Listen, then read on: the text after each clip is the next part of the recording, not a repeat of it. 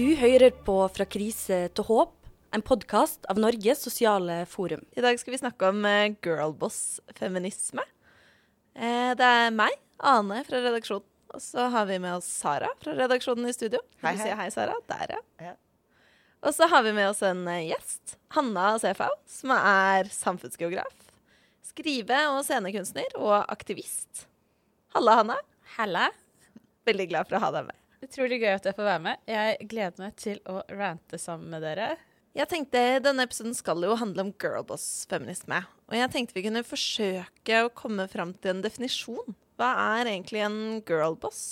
Altså, jeg, jeg eh, Når jeg ser for meg en eh, girlboss, så tenker jeg ofte på eh, altså en opportunistisk, privilegert, øvre middelklasse hvit jente. Kanskje en ung kvinne.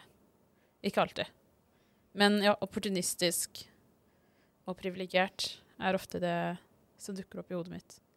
Fra øvre middelklasse eller rett og slett overklasse? Eh, tenker ja, jeg. ja, ja. En uh, vassekte kapitalist.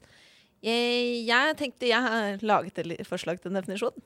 Jeg tenker at en girlboss er en kvinne som bruker feminisme til å brande seg selv, eller det hun selger, eller selskapet sitt på en eller annen måte, men som egentlig bare opprettholder det undertrykkende systemet som hun liksom er mot. Som gjerne er kapitalisme, men også patriarkatet. Eller et annet undertrykkende system. Det er ganske on point. Takk. Ja. Takk. Forberedt meg. Jeg tror jeg er ganske enig. Godt jobba. Jeg har lyst til å stille dere et eh, ja-nei-spørsmål. Er en girlboss alltid slem? Hanna? Mm, nei, men ved å opprettholde det dysfunksjonelle og undertrykkende systemet vi har i dag, så også ja, men sånn i møte med mennesker, ikke alltid. Ja, Det var litt Ja-nei? mer enn ja-nei, sorry. Ja. Jeg vet ikke. Et sted imellom. Sara? Ja, for jeg er veldig usikker. Uh, uh, først tenkte jeg eh, nei, uh, men jeg tror kanskje at jeg vil si ja. Eh, litt som du sier, Hanna, at det er på en måte sånn eh, systemene du opprettholder, og at du eh, i møte med andre gjør slemme ting, men du eh, skal framstå som trivelig, morsom, hyggelig, quirky, søt, sjarmerende, men at egentlig så er du ganske slem fordi du trykker ned andre. Ja, endte jeg på. Jeg er enig på ja.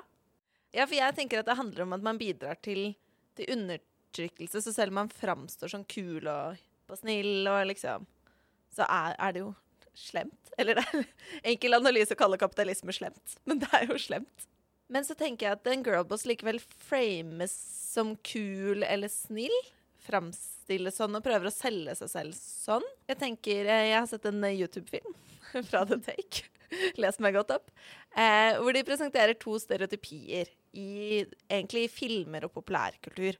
Og hvor den første er boss bitch. Altså det er en dame som er sjef, typisk som privat næringsliv-leder, som er Åh, hun er streng. Hun er liksom mandig, på en måte. Hun er veldig suksessrik, men hun er ikke noe snill, og hun har et ræva privatliv. Kjærlighetslivet hennes faller alltid fra hverandre. Sånn som for eksempel Miranda Priestley, The Devil Wears Prada, er type sånn boss bitch. Eh, mens man nå ser en, en ny da, trope, som er girlbossen. Som er kul, hun har bra privatliv, hun er stilig, hun er pen. Hun er feminin, ganske liksom sånn ultrafeminin, egentlig. Og veldig suksessrik. Så jeg tenker hun framstår snill, men hun er jo med på å undertrykke andre kvinner og ja. I uh, uh, vår yndlingsserie, Anne, som jeg har glemt navnet på, The bold type. i The Bold Type, der eh, sjefen er sånn typ en snill Miranda Priestley. Og Som da klarer også, bare for å si det, ikke sant, også Ja. handler om egentlig det samme som The Devil Wears Prada. Ja. Det er et eh, magasin for kvinner eh, i redaksjonen. Eh, ja, unge journalister som liksom prøver å jobbe seg opp og fram. på Manhattan, som jo på en måte er verdens sentrum.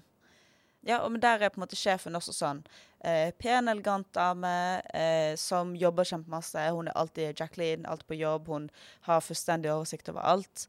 Men hun skal være snill, i motsetning til Miranda Priestley. Men det går kanskje litt med ekteskapet hennes, sånn som med Miranda. Eh, litt opp og ned.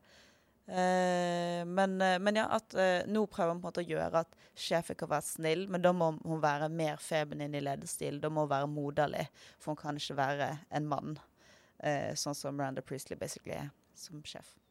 Litt tilbake til spørsmålet om en girlboss alltid er slem. Um, jeg så at uh, Disney Pluss uh, kalte Buffy the Vampire Slayer en uh, girlboss. Da ble jeg veldig irritert. For å ta et litt mer eh, eksempel som folk kanskje vet hva er, er det mange som også har kalt Pippi Langstrømpe en girlboss. Og da kjenner jeg at da blir jeg irritert, for jeg tenker at en girlboss er ikke sånn en kickass jente som får til bra ting, eller som gjør noe på et mannsdominert område. Det er, det, det er ikke sånn at hvis du er en kvinne med suksess, så er du en girlboss. For jeg, jeg tenker jo at det å være en girlboss er noe negativt. Altså Det er jo nettopp å bidra til et undertrykkende system.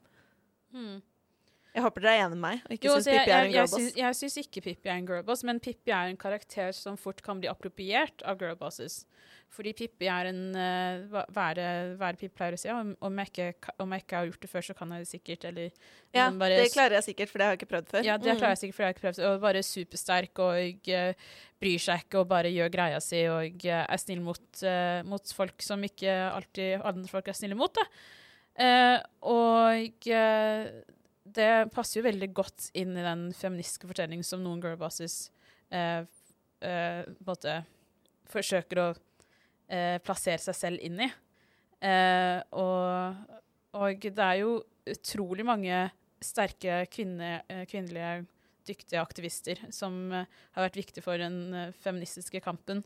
Ikke bare i kvinnekampen, men i den feministiske kampen som, som altså, har blitt appropriert inn i dette narrativet. Pippi er jo på en måte en anarkist. Det er ikke eh, rike eh, female CEOs eh, og direktører. Men de vil på en måte appropriere hun til å være deres helt. Det er sant. Hvis man liksom får Pippi vaske seg, eller brande seg som 'jeg er en girlboss', akkurat som Pippi Langstrømpe. Hvis man er ja, Hillary Clinton eller Paris Hilton eller en annen dame som har behov for å brande seg som en girlboss, så ja. Det blir en form for Pippi-vasking. Neste spørsmål vil jeg at dere først bare sier ja eller nei. Så tar vi begrunnelsen etterpå. Skal skjerpe oss. Er en girlboss alltid hvit?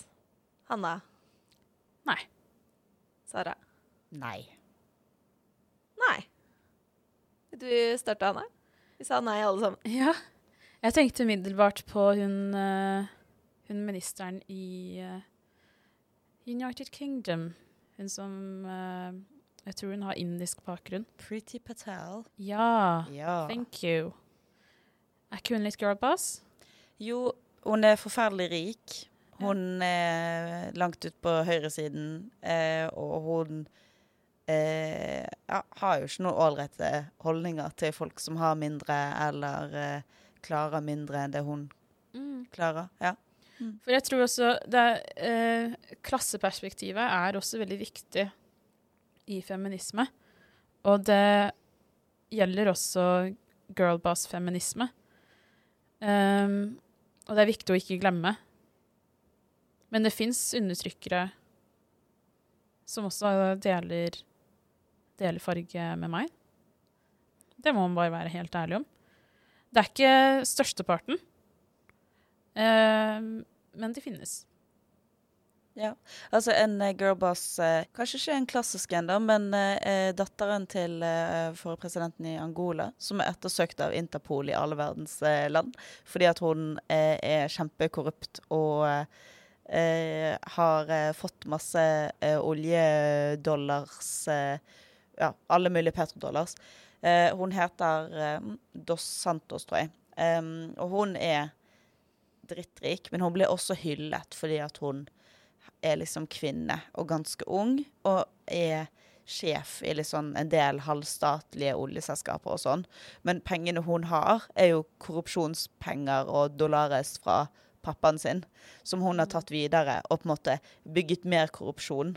eh, og, og bare blitt enda rikere. En klassisk girlboss på, på flukten fra Interpol. Jeg tenker jo Det er jo litt av poenget med girlbosser, egentlig, er jo at de fronter seg selv som superfeminister, og så er de egentlig med på å undertrykke andre kvinner. Og på samme måte så kan man jo også være en ikke-hvit girlboss. eh, og fronte seg selv som at eh, nå har jeg klart det, da er det liksom eh, Nå kan afroamerikanske kvinner gjøre alt, for jeg er i denne posisjonen. Men så hjelper man egentlig ingenting opp, da. Man bare ja, drar opp stigen etter seg og driter i alle andre og er med på undertrykkingen, på en måte. Så man kan jo bidra til det systemet som også undertrykker en selv. Men her tenker jeg, jeg lurer også på om det kan være lurt å snakke om forskjellen på for, Eller er, er hvit feminisme og girlboss-feminisme det samme? Ja. Vi kan jo starte med hvit feminisme. Hva tenker du at hvit feminisme er? Jeg ser på hvit feminisme som ekskluderende feminisme. En feminisme som uh, er skapt for, uh, for uh, den vestlige kvinnen. Eh, og ikke alle vestlige kvinner engang. Ikke, eh, Ikke transkvinner. og ikke transkvinner, og ikke kvinner som lever i diasporaen i Vesten, men sånn den hvite, hvite kvinnen som, eh, som eh, har et greit utgangspunkt. Så ikke nødvendigvis den eh, hvite arbeiderklassekvinnen i Vesten heller. Den, den hvite feminismen er ekstremt ekskluderende. Og så lurer jeg på om, om girlboss er liksom heller et symptom, kanskje, på, på den hvite feminismen. Og, og, og disse menneskene vi nevner som på en måte ikke Altså disse ikke-hvite girlbossene. Jeg lurer på om de bare liksom har lært seg å orientere seg i den hvite feminismen, eller i disse, disse strukturene som på en måte Ja, som bare eksisterer rundt dem, men som de er med på å opprettholde, of course. De har lært seg liksom spille hvit feminist-spillet. Ja. Fordi hvite feminister elsker å heie fram De elsker å heie fram mangfold. Så lenge de slipper å gi plassene sine, eller mister sine privilegier, liksom, så er jo de Det er sant. Så man Sant. kan jo alltids være unntaket. På en måte man kan jo Jeg er enig. Jeg tenker at ikke all hvit feminisme er girlboss-feminisme, men alle girlbosser er hvit, hvit, er hvit feminister. Men ikke nødvendigvis at de er hvite, men de representerer en hvit feminisme. Ja. mm. Eh, Ja, de om det går an å si det på den måten. Mm. Fordi jeg tenker det fins jo mye hvit feminisme som er ignorant feminisme, som for så vidt kan eksistere godt på ø, venstresida, som kan være sosialistisk, eh, radikal feminisme, men som ikke tar inn i seg andre perspektiver, da. Ikke ser andre perspektiver og på den måten ekskluderer i praksis, som er hvit feminisme. Men som ikke nødvendigvis er girlboss-feminisme. Mm. Så det er en forskjell. Er en, ja, eller sånn Girlboss-feminisme er en undergren av Ja. feminisme, kanskje? Eller det er en sammenheng, men Ja. Mm. Samme familietre. samme familietre. Samme familietre.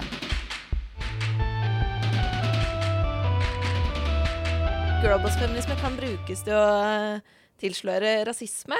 Eh, du har jo med deg et fint sitat fra Hillary Clinton om Italias nye oh, president, yes. Som du kanskje vil dele med oss. Ja, altså den eh, nye nye statsministeren i Italia, Giorgia Meloni. Det kan hende at jeg sa det feil, men akkurat det bryr jeg meg faktisk ikke om, for hun fortjener ikke Hun fortjener ikke den respekten, for å være helt ærlig. Og, nei, ja, helt ærlig. Og også Jeg har jo også da eh, Jeg har eritreisk bakgrunn, og Eritrea er et land som ble okkupert og utnyttet av Italia eh, i veldig lang tid. Eh, et av grunnene til at eh, lasagne er et av de vanligste rettene i eritreiske fester. Hæ? ja. But we make it better than the Italians, though. We actually spices. Uh, uansett. uh, så da denne uh, Georgia Meloni ble valgt som statsminister For hun er jo fascist. Eller altså Ja, er. Hun Hun er- er fascist. Hun er jo fascist. selverklært fascist. Ja, ja, ja. Mussolini-tilhenger til Ja, ja, ja. sin hals. Altså Hun har sånn. gitt, hun har gitt uh, plass til uh, nazister, liksom, i, i det som da er uh, det italienske stortinget. Altså, hun er forferdelig! Hun er helt krise. Og om den personen så sa Clinton The election of the first woman prime minister in a country always represents a break with the past, and that is certainly a good thing. Så Det er sånn, Jeg bryr meg ikke om hvem undertrykkeren min er, liksom. Fascisme er greit så lenge det er en kvinne som er Ja! fascist. Så lenge det er en blond kvinne som gjør det, da. Eh, er det er det viktige. Hadde Hitler vært en kvinne, så hadde det Hadde det vært ålreit. Hadde det vært det. greit. Ja, Ja, ja, ja. ja, ja. ja. Eh, hun fortsatte da også. Um, As with any leader, woman or man, she must be judged by what she does. Og I never agreed with Margaret Thatcher, but I admired her determination. Åh, Der kom Thatcher òg, ja. Ja, ja, men det er som om alle kvinner liksom må feires hele tida, selv om de er forferdelige. Liksom. Det, hvorfor, hvorfor skal vi feire at fascismen har fått enda mer plass i Italia og i Europa? Hvorfor skal man feire at nynazister har fått mer politisk makt? Hvorfor skal man feire at det er flere minoritetsmennesker i Italia i dag som er redde for å leve, liksom? Jeg skjønner ikke. Well, I guess it's a form of progress, som Hillary Clinton sier. Nei, altså, når jeg leste den, så ble jeg eh, sjokkert. Faktisk, jeg, tenkte, jeg tenkte ikke Hillary hadde det i seg. For i, den, det, i det intervjuet så ble jo hun også konfrontert med dette er jo en fascist. Hva syns du om det? Og da, det var da hun svarte med den. Dette det er jo Nei da, det er framskritt uansett, på en måte. Så det er sånn, og det her er ikke en uopplyst dame. Det her er jo en dame som har eh, hatt eh, og har veldig høye stillinger og er liksom blir sett på av veldig mange som en smart person og som har mye innflytelse. Og når hun sier ja, denne fascisten, stamp of approval, hun er bra. Her tenker jeg her er vi i kjernen av girlboss-ideologien. da. At så lenge det er en kvinne, så er det bra. Og vi skal ha samme system som før, og alt skal være dritt, og folk skal bli utbytta, og fattige kvinner skal leve for luselønn i Bangladesh og sy klærne våre. Men så lenge det er en kvinne som er CEO i det selskapet som selger de klærne, så er det bra. Ja. Eller det er en kvinnelig forsvarsminister, eller det er Hillary Clinton som er kvinnelig presidentkandidat og tar til orde for å bombe eh, land. og per def bombe andre kvinner. Så er det bra så lenge det er en dame som gjør det. Og det er jo denne illusjonen om at når man har Og det, det tror jeg er veldig relevant eh, og veld, en veldig viktig del av girlboss-feminisme.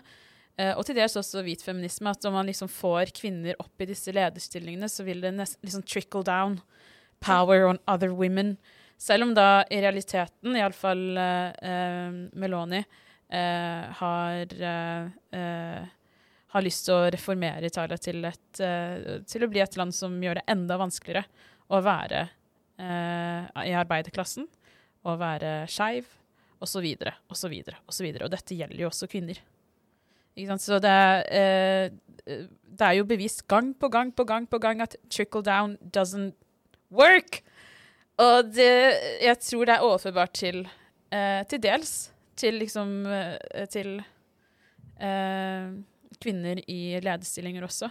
Fordi det, igjen, det er bare med på å opprettholde undertrykkende strukturer. Og man får en revolusjonerende eh, person som eh, bare ødelegger institusjonene mens de leder dem, så er det nå én ting, men det trenger ikke være en kvinne. Det må bare være en, en uh, revolusjonær En sneaky revolusjonær som person. kommer inn. Ja. Infiltrat. nin- de kan ha hvilket kjønn de vil. Det, Ja. ja. og se ut som de vil. Men de trengs. Jeg tenker Hillary er jo veldig opptatt av dette glasstaket, da, som skal knuses. Og så bare hvis det kommer en kvinne opp, så er det liksom knust for alle. Men det jeg tenker, som vi jo snakker om nå, realiteten når en girlboss kommer seg opp, er jo på en måte bare at hun klatrer opp på toppen av glasstaket uten å ta med seg noen opp eller knuse noe som helst. Og så blir hun der oppe i gutteklubben grei. Eh, eller kapitalistklubben grei, eller rasistklubben grei, eller altså insert det som passer. Det er jo aldri noe glasstak som blir knust. Altså Hele den metaforen er liksom Ja. Og hvis man ser, ser for seg liksom menneskene under dette taket, da, som en sånn derre eh, trekant Og, og eh, de som eh, er øverst, da, hvis dette er et hierarki Det er de ytterst få kvinnene som har hatt eh, ting lagt til rette for seg for at de skal kunne nå opp det taket, uavhengig av om de var feminister eller ikke. Eh, og de står jo da oppå eh, og hviler på alle andre, eh, ikke bare kvinner, men også mennesker som har kjempet for deres rettigheter. Ehm, som aldri kommer til å nå glasstaket, men bare kutter seg på de små bitene som faller ned på dem. Som trickler ned. Trick, ja, det er, Kanskje det som er ekte trickle down economics. Ja, nei, og Margaret Thatcher og gjengen kan eh, snu seg i graven hans. Det er jo også helt det samme som du sa i stad, Anna, da vi snakket om dette litt før vi begynte å spille igjen. At det er jo samme for de damene som sitter og syr klærne våre i Bangladesh. Om det er en kvinnelig CEO i Hennes og Maurits eller en mannlig. Det har ingen påvirkning på deres liv i det hele tatt. Eh, så den ideen om at det liksom er kvinnefrigjørende Når de sitter der og syr eh, feminist-T-skjorter til eh, Big Bok eh, eller Og til, Monkey. eh, og, Mm. ja, til Monkey, mens eh, CEO-en i Hennes Møres tjener seg søkkrike. Rakker du ned på andre kvinner, Sara? Ja, jeg er langt under glasstaket, så det går bra. For det tenker jeg også litt apropos det vi snakket om i stad, at det, ja, så lenge det er en kvinne på toppen, og kvinner skal alltid heie på andre kvinner. Det var vel eh, Tone Damli som sa det da hun fikk eh, kritikk for hvordan hun framsto i en musikkvideo, og man sa at din, se- altså, seksualiseringen kan påvirke unge jenter, gi dem dårlig selvbilde. Så sa hun at der jeg kommer fra, så betyr feminisme at kvinner heier på andre kvinner. Og det syns jeg også ligger veldig i girlboss-ideologien. At vi må bare heie, og at Og jeg må si, jeg tenkte nesten på det litt sjøl. Ja, sånn, skal vi ha en hel episode hvor vi bare rakker ned på andre kvinner? Er det bra? og så innså jeg sånn De vi rakker ned på, er jo kvinner med ekstremt mye makt, som gjør jævlige ting. Selvfølgelig skal vi ha en hel episode hvor vi rakker ned på dem. Det skal gå bra. Men det er, sitter så dypt, da, den ideen om at jenter skal backe andre jenter. Altså den uh, 'There's a special place in hell for women who don't support other women'. Men jeg, jeg vet ikke hvem som sa det først, men det er jo kanskje sånn Det jeg ironisk siterer best. Det er som om at det er verre at jeg kritiserer en kvinne enn all den imperialismen og kolonialismen og robbingen og volden og krigen som har gjort at jeg i det hele tatt må leve i dette landet. Nei, men det er jeg som skal til Ja. helvete. Ja. Det er vi som skal til helvete. Ja, ja. Ja, ja. ja, ja. Men uh, det er Ikke Queen Elizabeth. sånn. Lizzie Girl. Hun skal ikke til helvete. Lilibet.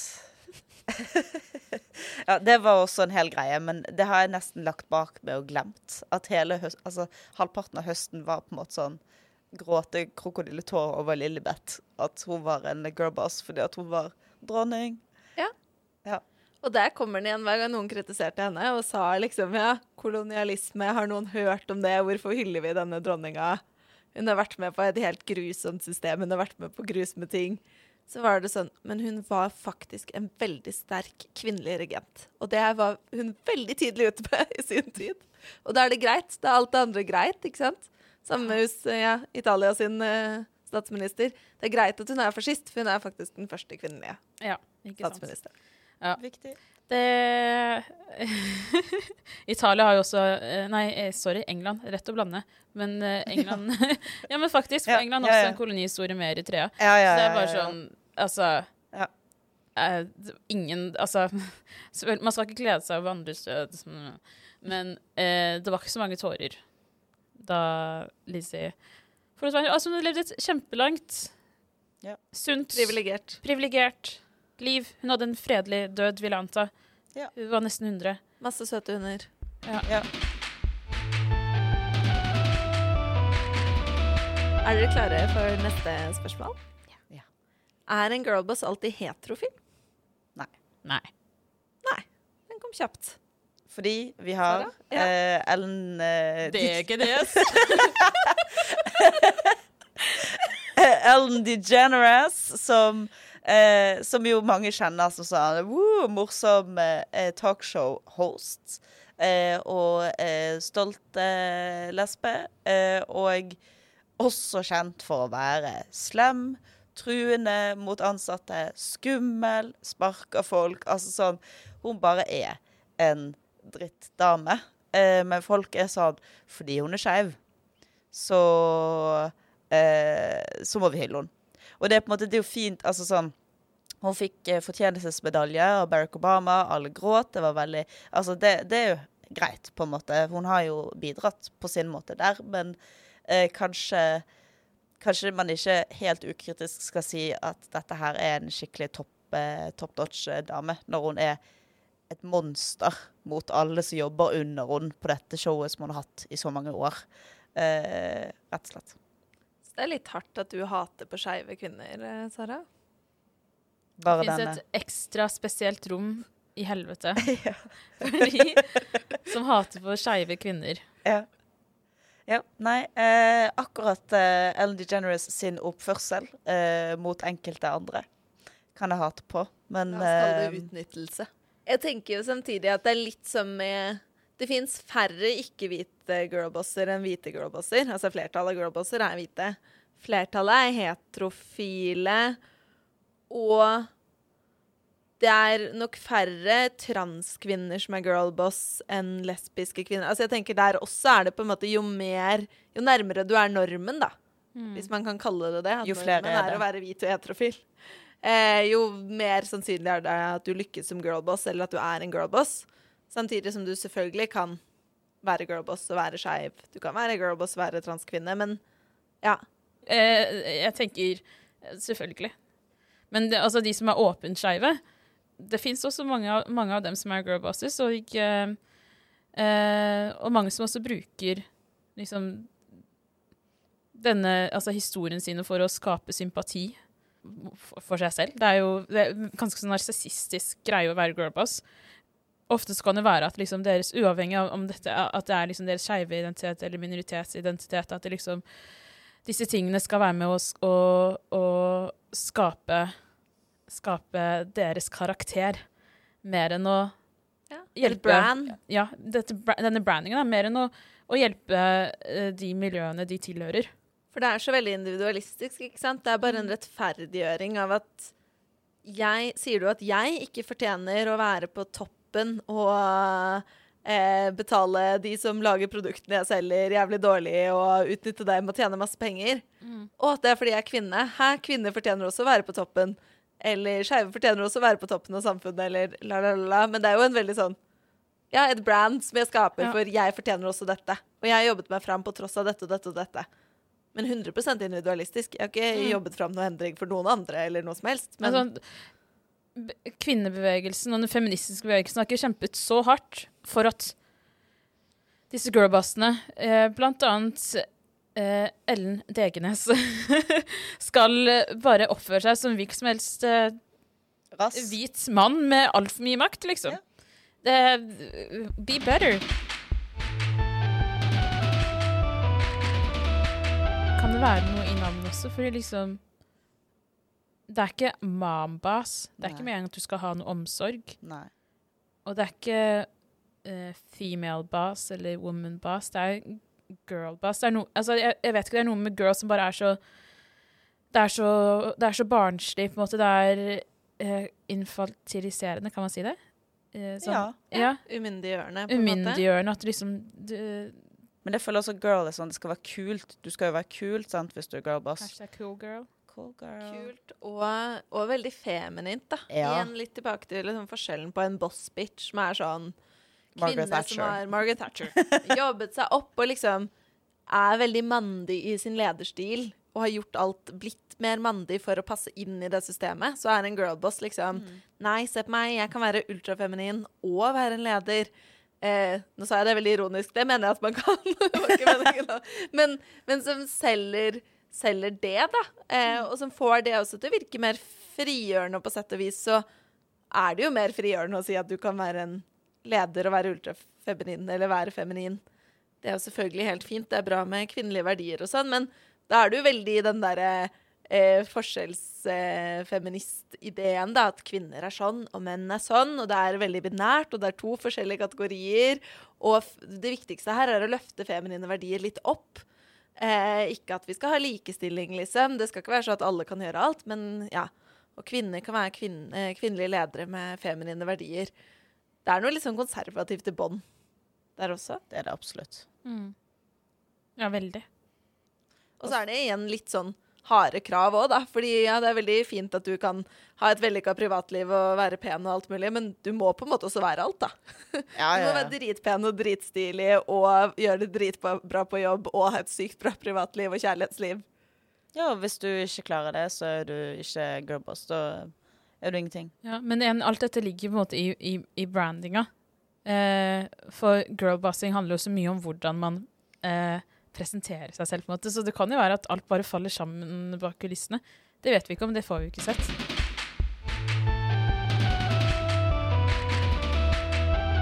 Hashtag hun investerer. Hashtag hun investerer. Vi snakket litt om DNB eh, tidligere. Eh, de har jo en kvinnelig leder nå. Ja. Og som er blitt eh, kjempe, kjemperik i en tid hvor eh, mange i i realiteten i Norge på en måte har blitt fattigere, har mindre kjøpekraft. Men den kampanjen deres, Hun investerer, jeg ble skikkelig provosert av den. Hva, hva tenkte dere? Jeg følte at den forfulgte meg, eh, og at jeg ble veldig provosert. For den var i alle flatene jeg så. Alle reklameplakater jeg gikk forbi. Eh, og var veldig sånn Det var jo veldig fengende videoer, da. Altså sånn Det er lett å bli overbevist da hvis man ikke er noe kritisk, tenker jeg. Ja. Mm. Jeg syns først og fremst den var veldig morsom. Jeg syns Den var jo så virkelighetsfjern. liksom. en provoserende Det var litt sånn Kan du ikke bare spise kake? For det var litt sånn Hvis du ikke har råd til en leilighet, så må du bare slutte å spise avokado og investere litt mer penger i aksjer. Ja. Eh, var det jeg følte vi ble fortalt. Eh, og så syns jeg også det var latterlig provoserende med en sånn å, men det er så få kvinner som eier aksjer i Norge, så du må også profitere på Du må også andres på- ja, ja. arbeidskraft Ja. og komme deg inn på aksjemarkedet for å være på linje med gutta. Eh, ja. Så jeg syns først og fremst det var veldig gøy. Jeg anser det som en humorkampanje fra DNB. Regner med at det var Ja. det var. For eh, det skulle bare vært det. Det, hadde, det er utrolig god satire, om det var tenkt slik, men det, det var jo dessverre ikke det. Jeg husker spesielt en, en video jeg så. De, de hadde utrolig mange kvinner, og unge kvinner spesielt. Og no, også en del unge kvinner med minoritetsbakgrunn. Og Veldig sånn pene, ordentlige Det, det var også sånn gjennomgående. Ja. Ja, Absolutt. Jeg husker eh, en av videoene så var det også på en måte et av budskapene var at kvinner måtte skjerpe seg, bare begynne å spare. Og begynne å investere i aksjer og sånt. Og dette sier Dette er liksom budskapet til DNB, som samtidig er medeier i et av verdens største selskap som betaler kvinner liksom drittlønner. I grensen til slavearbeid, liksom. Og så investerer Altså ber de bare kvinner om å skjerpe seg og bli flinke til å spare, samtidig som de i realiteten er ansvarlig for at mange kvinner lever i varig fattigdom. Det henger ikke sammen. Men Og så har de også investert eh, indirekte i krig, og på den måten bidratt til å drepe kvinner. Men vi skal bare spare, så ordner alt seg. Og vi har ikke vi, Samfunnet er så ødelagt at man liksom Folk, folk har ikke råd til mat. Uh, ikke bare bolig, men folk har ikke råd til mat. Men det går fint. Du har råd til å spare og investere, så du må bare gjøre det. Det er jo helt dystopisk. Men har de prøvd å skjerpe seg? Disse kvinnene du snakker om. Jeg bare Har de prøvd å liksom pull themselves up by the bootstraps og spare 200 kroner i måneden og sette inn på en nok. konto med god rente og investere i litt aksjer, kanskje litt krypto? Nei, men det er akkurat det. Vi, vi, vi, eh, vi må skjerpe oss. Vi har, ikke, vi har ikke prøvd hardt nok. Det er eneste grunnen Ja. til at eh, til at vi ikke er girl bosses. Derfor du ikke er inne på boligmarkedet, Anna. Derfor er ikke på boligmarkedet ennå. Men, vet du, men om, om det å, å skjerpe seg eh, er det som må til for å bli en girl boss, så skal jeg la være å skjerpe meg. ja, vet du hva, da vil jeg heller leve uskjerpet. Takk for meg. Jeg tenker jo at eh, det her viser så utrolig godt hvordan kapitalisme og girlbossing henger sammen, da, ikke sant? Det er både den vi, vi vanlige folk, for å bruke det begrepet, vi som ikke er kapitalister, vi må bare skjerpe oss og spare litt mer og eh, jobbe hardt, så kommer vi oss opp og fram. Og så forteller girlbossene og kapitalistene de forteller denne historien om hvordan de bare har jobbet veldig veldig hardt. Og så har de kommet seg opp og fram. Ikke sant? For det er jo hele girlboss-historien. er sånn, Jeg sto mot eh, mannsvelde på jobb, jeg sto mot mannsvelde i politikken, og se hvor jeg er i dag. Det er jo basically Donald Trump som står der og sier sånn Jeg hadde to tomme never og et lite lån fra pappaen min, og se hvor jeg er i dag. Eh, det er jo den samme historien, da. Sånn amerikanske drømmen. Vi kommer oss dit alle sammen, bare vi skjerper oss og jobber litt hardt. Ja. Men det er jo så bare uh, Girlbossisme, kan man si det? Girlbossisme uh, er jo uh, tett knytta til kapitalisme, som er system som legger opp til at alle ikke kan være rike. Så alle kan ikke Altså alle kan ikke bli rike ved å bare investere. Liksom. Det, det, det bygger på at man tjener på andre, andre menneskers arbeid. Og det er det girlbossene gjør. De er kapitalister. De tjener ikke på sitt arbeid lenger på et eller annet tidspunkt. De tjener på andre menneskers arbeid. Og da er de dømt til å bli undertrykkere. Et annet eh, godt eksempel da, er jo Vet ikke om dere husker den kvinnelige gründer-greia til Trine Skei Grande? Så vidt. Det var eh, under debatt om velferdsprofitører, og særlig barnehageeiere, som jo eh, som kjent er, eh, tar ut eh, mye profitt eh, fra våre velferdspenger. Tjener seg rike på å drive velferd. gir folk elendig lønn. Flytte Eh. til Sveits for å unngå å betale skatt. Flytter til Sveits for å unngå å betale skatt. Eh, hvor eh, jeg husker at Trine Skei Grande hun anklaget Audun Lysbakken for å ikke være feminist. For dette var jo tross alt snakk om kvinnelige gründere. Eh, og igjen da så er det den ideen om at så lenge det er en dame som gjør det, så er det greit og bra. Eh, og så undergraver jo helt eh, Da hun sa dette, så jobbet jeg selv i barnehage og tenkte sånn ja, fett at det er en kvinnelig gründer som så er et overskuddet. Da går det fint at jeg ikke får noe pensjonsopptjening mens jeg jobber her. For det er jo tross alt en dame som sitter på toppen og tjener de millionene. Ja, men altså Heia kvinner som er med på å ødelegge samfunnet. Og som eh, underbetaler eh, arbeidere, som gjør at eh, eh, også barna må leve i mer uforutsigbarhet. Heia, heia dem.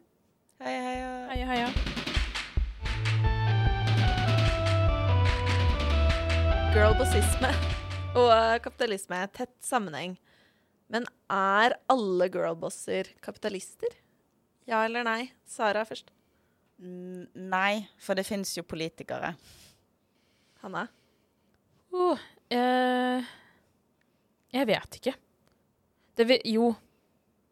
Eller Jeg tror ikke alle girlbosser er kapitalister. Jeg tror mange av de er det.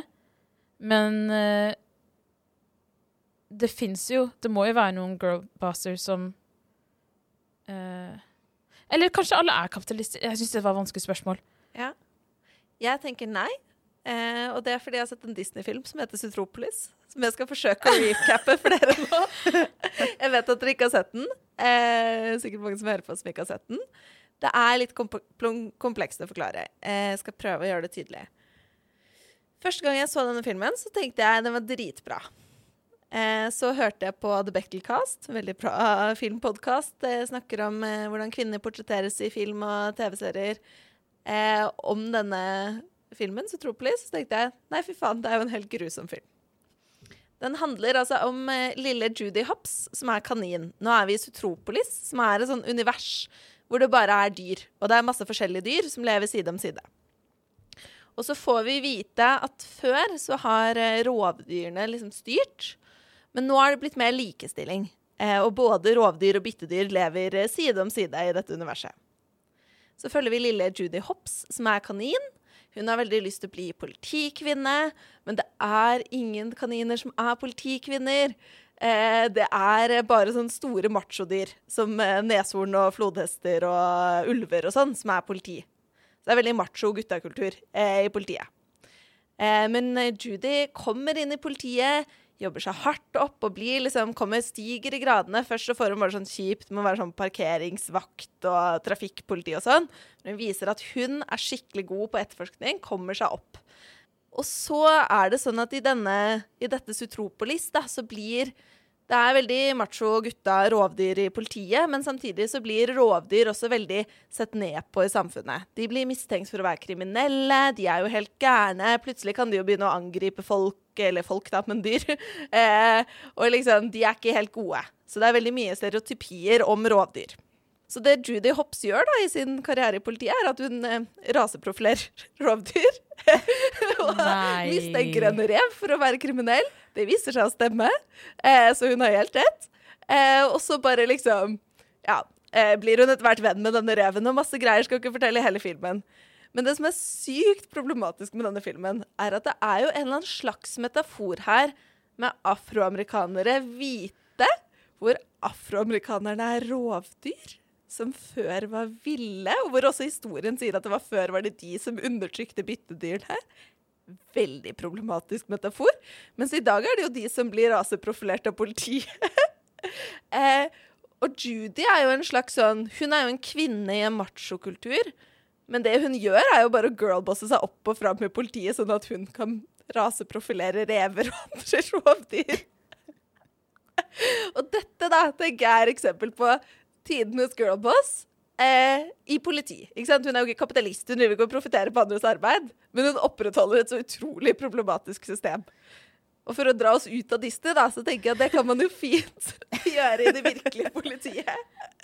Eh, man kan gjøre det i politikk. Man kan, altså, det er mange andre typer sånne maktposisjoner man kan inneha som en girlboss og bidra til å opprettholde et undertrykkende system.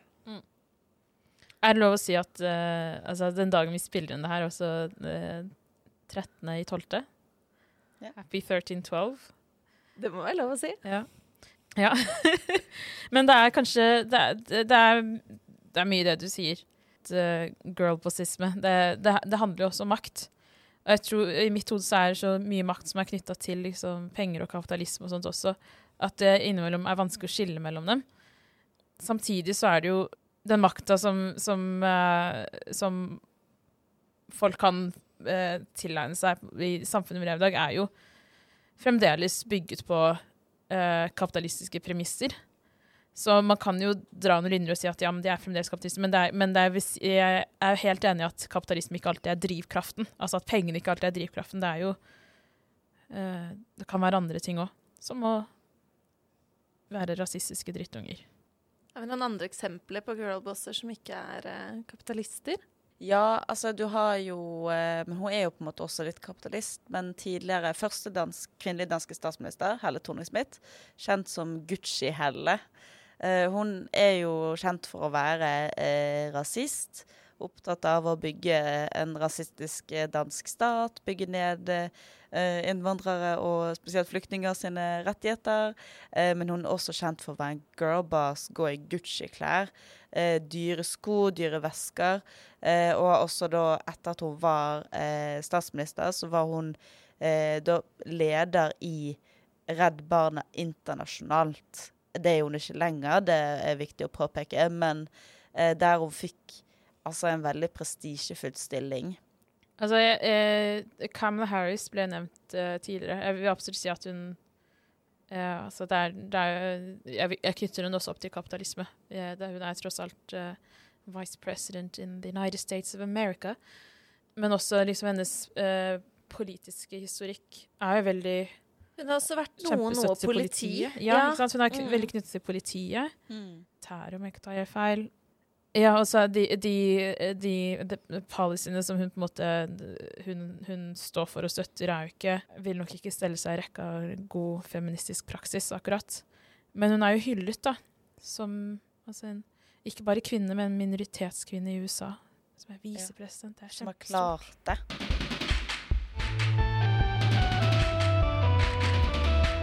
Denne girlboss-feminismen er jo på en måte litt Kanskje et symptom eller en stor del da, av den feminis mainstream feminismen som er nå. Det er veldig individualistisk. Det er veldig liksom Women support women. Eh, kjøp en T-skjorte på Monkey som er det er Hennes Maurits, som er sydd av fattige damer i Bangladesh, eh, hvor det står 'feminist'. Eh, vi er liksom veldig der. Samtidig som vi vi som er del av den feministiske bevegelsen, liker å tenke at vi er i en fjerde bølge med feminisme, at det har skjedd veldig mye.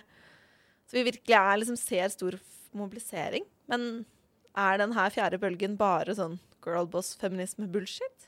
Det håper jeg jo ikke. Eh, men kanskje at den eh, største mainstream eh, hvis man skal være grei å kalle det det, eh, er veldig Ja, altså det handler om at du skal være vellykket og have it all. Du skal bygge deg sjøl eh, opp. Du skal Du kan godt på en måte være med, være sammen med andre og bygge andre opp, men de skal, være, de skal gjøre sånn som deg. Da du skal følge en oppskrift på hvordan være bra. En bra feminist. Og det er sånn ja, individualisert eh, og vellykket. Eh, men kanskje man kan si at man har den, og så har man en, heldigvis en slags sånn kontrabølge som er mer inkluderende, solidarisk. Eh, altså for, ellers så gir jeg opp, da, på en måte. Hvis jeg ten skal tenke at det ikke fins en, en bra bølge med feminisme nå, som Altså, jeg er jo feminist, hvor skal jeg være da, hvis det bare fins sånne uh, girlboss, uh, gaslighting uh, ute og går? Det må jo finnes noe annet, da. Uh, og det tror jeg det fins, i hvert fall i min lille boble av måte, feministvenner. Så tenker jeg så, ja ja, her uh, har vi noe bra uh, kokende. Men eh, Men det kan hende at det på en måte er to konkurrerende bølger, da, men at den girlboss-bølgen er størst. Mest dominerende. Eller er liksom helt ute på tur nå. Altså, jeg, jeg tenker også at uh, heldigvis er ikke dette det eneste. Uh, jeg vil nevne den interseksjonelle feministen. Og den interseks interseksjonelle feminismen som bevegelse, uh, som motvekt til, til det her. Og det er ikke nytt at man har ulike former for feminisme eh, som er litt sånn i kamp og i strid mot hverandre. Jeg tror det var Angela Davis eh, som sa at eh, etter at hun skrev boka 'Women, Race and Class', eh, så begynte hun å bli referert til som en feminist, og det var noe hun ikke klarte å kjenne seg inn i. Hun var sånn Nei, nei, nei, jeg er ikke en feminist. Jeg er a black revolutionary. For det var i opposisjon til å være feminist, til den mainstream-feminismen da. Og så forsto hun senere at altså, det, det, er jo flere former for feminisme. Det er bare at den som gjeldende, den som var gjeldende i USA på 70-tallet, ikke inkluderte henne og hennes kamper. Og det er en, det er jo en konstant kamp, da. Å kunne eie ordene som tilhører kampen vår, og kunne fylle dem med mening. Eh, og ikke la dem bli appropriert konstant av folk som egentlig ikke kjemper kampen, men kun for seg selv og sine egne interesser. Men de er så gode på historieformidling, som den generelle høyresida er. De er så gode på historieformidling, så de har jo klart å selge dette opportunistiske, individualistiske, kapitalistiske makt eh, misbrukende drittet som feminisme. Men vi vet jo veldig godt at det ikke er det det er. Det er noe helt annet. Men så må vi igjen dessverre bruke så sjukt mye krefter på å bare ta tilbake ordene våre og fylle dem med, med det det egentlig betyr, da. Det er jo nettopp appropriering. Det er det det. Jeg tenker jo på en måte at ja, girlboss-feminismen, kapitalistisk feminisme, rir jo for så vidt litt på vår bølge, da. Sånn. De har jo, det var ikke før nå de har hengt seg på feminisme, for det var jo ikke kult før, ikke sant. Så det ligger jo utrolig mye kamp bak eh, at de kan nå pinkwashe seg. Eh, det var jo på en måte Før var det så stigmatisert at det var ikke noe man gjorde. Absolutt. Så tenker jeg også, for å svare litt på mitt eget spørsmål, da, at det også skal jo heller ikke usynliggjøre de enorme feministiske kampene som kjempes nå. Som selvfølgelig er den ekte fjerde bølgen, altså kvinner i Iran. Det er ikke noe jævla girlbossing. Det er ekte rettighetskamp. Eh, kamp mot undertrykkelse, kamp for frihet. Mm. Som pågår nå. Eh, også abortkamp, rettighetskamp. Altså det er jo masse kjempestore feministiske kamper nå som mobiliserer så mm. utrolig stort. Og som er en radikal fjerde bølge. Mm. De kurdiske kvinnene eh, Kvinner ja, som nevnte altså abort, abortforkjempere i, i, USA. Vi har snakket litt om USA i dag også, men I Polen, eh, i Colombia, i Chile, Argentina. Ja. Og skeive kvinner over hele verden som også bare kjemper for å ikke bare sine egne muligheter til å eksistere, men også sine skeive søsken. Ligger et ansvar på oss og på andre feminister på å nettopp løfte fram de kampene som nettopp fins. Du nevnte abortkamp, kvinner i Iran, kurdiske kvinner. Alle disse kampene, og ikke la girlboss-feminismen definere feminisme. Når man ser tilbake om 40 år, så vil jeg ikke at man skal si ja, tidlig 2000-tall, det var jo girl boss-bølgen. Oh, nei. eh, det kan vi ikke la skje, og det kommer vi ikke til å la skje.